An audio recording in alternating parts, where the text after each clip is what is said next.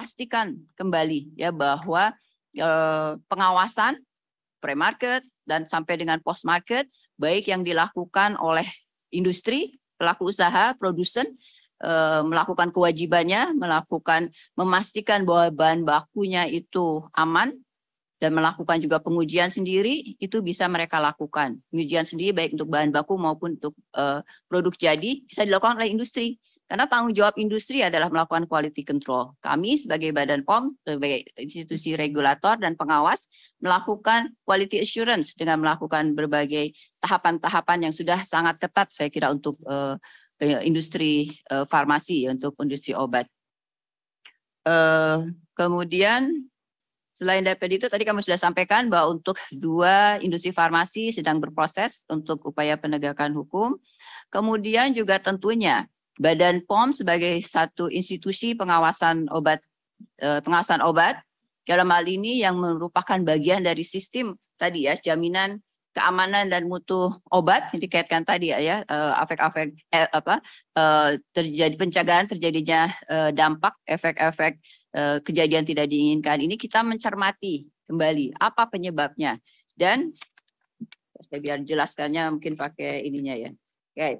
Dan uh, untuk memastikan kejadian ini tidak terulang kembali tentunya ya sehingga memperkuat uh, jaminan ya jaminan sistem keamanan uh, dan mutu dari obat tersebut. Kami men, me, seperti sebagaimana sudah saya sampaikan tadi kan, kami mendeteksi beberapa hal. Satu ya bahwa kemungkinan besarnya ya nanti ini masih dalam penelusuran dan nanti tentunya apabila penelusuran ini sampai dengan ke uh, penyidikan itu uh, sudah selesai tentunya kami akan mempunyai gambaran yang lebih lengkap dengan pembuktiannya gitu ya.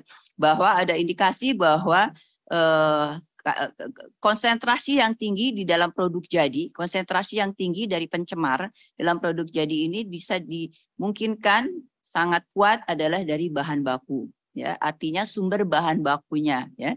Karena seharusnya ketentuan yang ada tidak dibolehkan. Adanya EG dan DEG sebagai bahan baku atau bahan tambahan dari proses produksi suatu obat ya. Tapi kalaupun ada di dalam pelarutnya ya. Jadi EG dan DEG itu tidak boleh digunakan sebagai pelarut.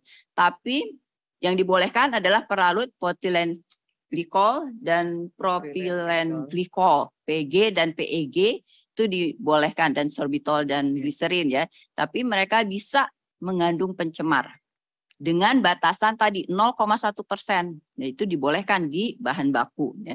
Tapi ada indikasi bahwa ada eh, apa ketidak ketidak ya ada apa istilahnya ya kejahatan.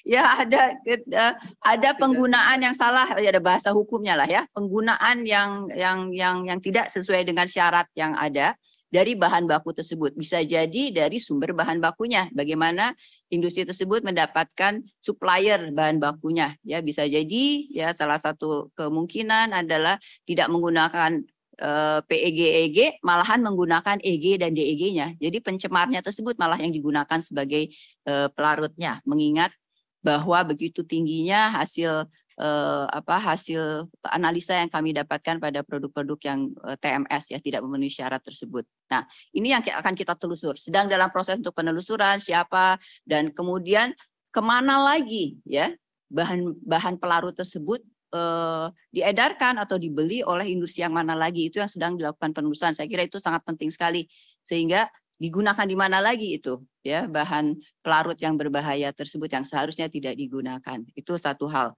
Nah, eh, kami mengidentifikasi juga bahwa Badan POM tidak mengendalikan pemasukan dan kami saya kira ini sudah saya eh, laporkan ke Bapak Presiden dan sudah di, di follow up kembali bersama lintas sektor terkait eh, untuk ke depan pemasukan dari bahan pelarut ini harus ada dalam SKI-nya Badan POM. Sehingga dari awal Badan POM bisa mengawal, bisa eh, mencermati ya dan mengawasi di awal ya. Kalau sekarang tidak dalam eh, kendali Badan POM karena masuknya secara umum masuk sebagaimana bahan kimia lainnya. Padahal bahan baku, bahan tambahan eh, proses produksi itu harus menggunakan eh, apa rank pharmaceutical grade ya beda dengan misalnya bahan kimia digunakan untuk mungkin apa solvent yang sama, uh, solvent yang sama atau EGD-EG itu digunakan untuk uh, misalnya industri apa? Bukan industri yang dikonsumsi oleh manusia ya, industri cat misalnya ya. Tapi sekarang bisa masuk ke industri farmasi ya. Padahal kalau harusnya dengan pharmaceutical grade ya, the grade grade yang farmasi jadi pemurnian yang sangat tinggi sehingga cemaran-cemaran ini bisa uh, hilang dari uh, pelarut uh, PG dan PEG ya tapi kalau dia tidak pharmaceutical grade kita tidak pernah tahu ya berapa konsentrasi dari pencemar-pencemar yang ada.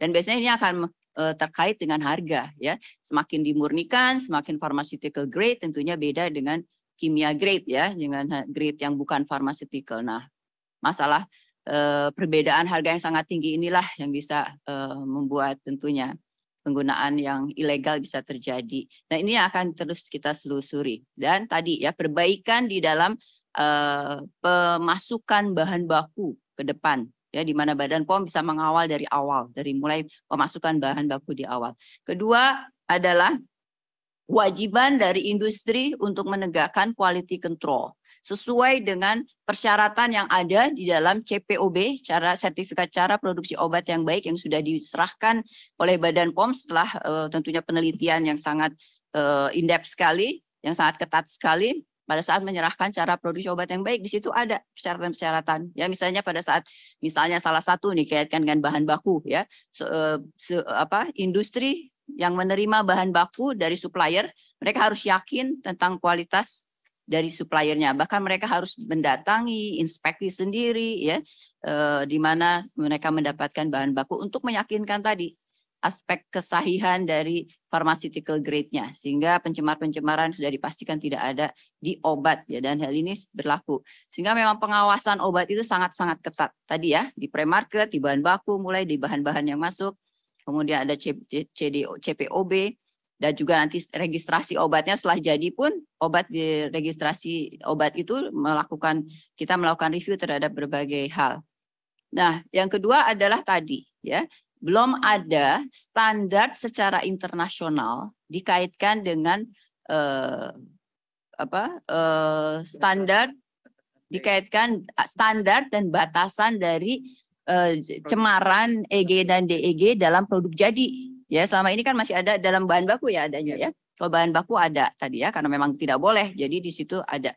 Tapi di dalam standar yang ada, standar pembuatan obat itu kita ada di Indonesia namanya Farmakope Indonesia. Ya, kalau di Amerika misalnya adalah US Farmakope ya atau di negara-negara lain lah internasional. Semuanya berbasiskan internasional itu tidak ada ya standar cemaran EG eh, DEG di dalam produk jadi sehingga bisa menjadi referensi hukum legal, referensi legal bagi Badan POM melakukan pengawasan. Ya. Badan POM tidak bisa melakukan pengawasan selama tidak ada standarnya yang harus diacu, ya. Jadi ketentuan untuk melakukan pengawasan. Nah itu yang tidak ada selama ini, sehingga Badan POM tidak bisa melakukan pengawasan dan saya kira di mana pun juga ya tidak ada yang melakukan uh, pengawasan uh, surveillance ya untuk pengawasan produk jadi. Nah ini dengan adanya pengalaman kita ini, ke depan kami akan meminta Kementerian Kesehatan untuk merevisi dokumen farmako in, farmakope Indonesia sehingga men, mencantumkan juga ketentuan tentang eh, cemaran-cemaran uh, ya yang kita sudah dapati sekarang perkara dikaitkan dengan EG DEG ya dengan adanya temuan uh, beberapa produk yang mengandung cemaran yang sangat tinggi ini. Nah, ini sangat penting sekali perubahan ini, jadi merevisi farmakope sehingga dengan demikian ke depan Badan POM bisa melakukan pengawasan pada cemaran pada produknya. Itu satu hal ya. Yang ketiga adalah perbaikan yang perlu kita lakukan atau intensitas eh, apa eh, eh, pengawasan di post market yang bisa kita lakukan ada di dalam sistem farmakovigilan ya. Eh, farmakovigilan, bagaimana tadi saya sampaikan farmakovigilan adalah satu sistem di mana apabila terjadi kejadian tidak diinginkan, apalagi yang fatal seperti sekarang sampai ada kematian, ini eh, tenaga kesehatan, proses pelayanan kesehatan bisa melaporkan segera ya. Data-data eh, pencatatan obat dikaitkan dengan eh, pasien ya yang sakit atau kematian dan melaporkannya pada Badan POM sehingga Badan POM bisa segera turun, menelusur ya dan memastikan causal relationship-nya apakah memang disebabkan oleh obat. Dan itu tugas kami yang sedang sekarang kami lakukan ya. Setelah kami mendapatkan data tentang obat yang sudah pasti tidak memenuhi uh, standar tidak kami sekarang sedang berproses untuk melakukan uh, penelusuran. Nah, ini yang penting adalah record dari data-data tersebut. Sehingga mungkin ke depan kami akan menghimbau para tenaga kesehatan untuk betul-betul menggunakan meso ini mencatat uh, produk dan pasien kejadian di pasien. Tentunya ada uh, ini Pak apa uh, data-datanya yang harus di provide ya di dalam uh, pharmacovigilance system ini dan dengan demikian akan memudahkan apabila terjadi kejadian seperti yang di kita kita harapkan ini. Ada lagi yang disampaikan? Apa ya? Oh nanti ya, silahkan tadi uh, daftar itu apabila bisa disampaikan. Uh, 198 sekarang tambahannya ya. Iya, Bu udah sebutkan. Hah? Oh ya, tapi oh tapi nanti listnya ya. listnya disebutkan kan, diberikan. Ya, diberikan. Listnya saya kira diberikan ya sekarang ya. Tapi ini eh, jangan disampaikan bahwa kami berbeda dengan Kementerian Kesehatan ya, karena tugasnya Badan POM adalah menyampaikan pada publik demi keadilan untuk semua pelaku usaha ya yang mempunyai produk yang sama dikaitkan dengan kualitasnya. Jadi kami sampaikan, tapi kemudian ini akan menjadi masukan bagi Kementerian Kesehatan untuk membuat uh, surat edaran ya iya. Pada masyarakat, pada tenaga kesehatan. Untuk ini adalah produk-produk yang bisa di, uh, diperjualbelikan, di, di, di prescribe ya oleh dokter untuk aspek keamanannya setidaknya dari EG dan DG karena tidak menggunakan pelarut tersebut ya. Tapi yang menggunakan pelarut juga banyak yang aman, tapi ini masih belum bisa diumumkan karena pemerintah masih mengambil kebijakan untuk menghold dulu ya. Kita sampai situasi lebih uh, membuat kita uh, trust percaya bahwa sistem pengawasan lebih kuat baik di industri di standar yang ada di Badan POM sehingga bisa melakukan uh, apa standar yang ada sehingga Badan POM bisa melakukan pengawasan lebih intensif lagi ya. Uh, itu kita hold dulu itu. Tapi kami terus melakukan terus pengujian dan syukurnya sampai dengan saat ini dari pengujian yang sudah dilakukan tidak ada, masih belum ada yang melebihi standar tersebut. Coba disampaikan. Baik. Tapi nggak bisa dilihatin juga gitu ya. Tapi nanti diedarkan nanti. Diedarkan. Ya. Oke. Baik, tes. Terima kasih Ibu Kepala Badan. Kami ingin menambahkan keterangan mengenai list produk yang kita akan rilis yang sebelumnya termasuk di dalam informasi kelima sudah kami sampaikan sebanyak 133 ini list produk yang tidak menggunakan empat pelarut, yaitu propilen glikol, polietilen glikol, sorbitol, dan juga gliserin. Sehingga dinyatakan aman digunakan sepanjang sesuai dengan ketentuan yang berlaku. Tambahan dari 133, kita tambahkan ada 65 produk yang akan masuk di dalam list ini yang sama juga tidak menggunakan empat pelarut tersebut. Nah, kami menambahkan 65 eh, ini berdasarkan penelusuran yang kami lakukan. Dari yang sebelumnya ada beberapa yang sedang berproses untuk renewal atau perpanjangan izin edar dan juga perubahan produk atau eh, perubahan variasi. Nah, ini sudah kami masukkan di dalam list 65. Kemudian ada satu lagi tambahan informasi untuk obat yang berbentuk sirup kering atau uh, dry syrup dan juga cairan oral kami perlu sampaikan bahwa produk-produk tersebut memang tidak menggunakan empat pelarut tersebut. Kita tidak masukkan di dalam listnya, namun kita informasikan bahwa produk tersebut tidak mengandung eh, empat pelarut tersebut sehingga bisa aman digunakan. Demikian Ibu tambahan oh, dari kami. Okay. Terima kasih. Ya, nanti akan dikeluarkan ya, ya. listnya ya.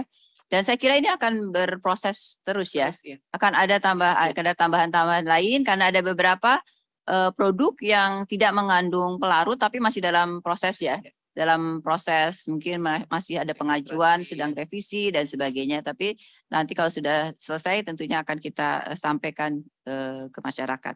Ya. Saya kira demikian dan saya uh, persilahkan waktu untuk dari Komnas HAM untuk ya. menyampaikan uh, tanggapannya, pengamatannya, perhatiannya. Terima kasih Pak. Ya, terima kasih Bu Kepala BPOM. Selamat siang.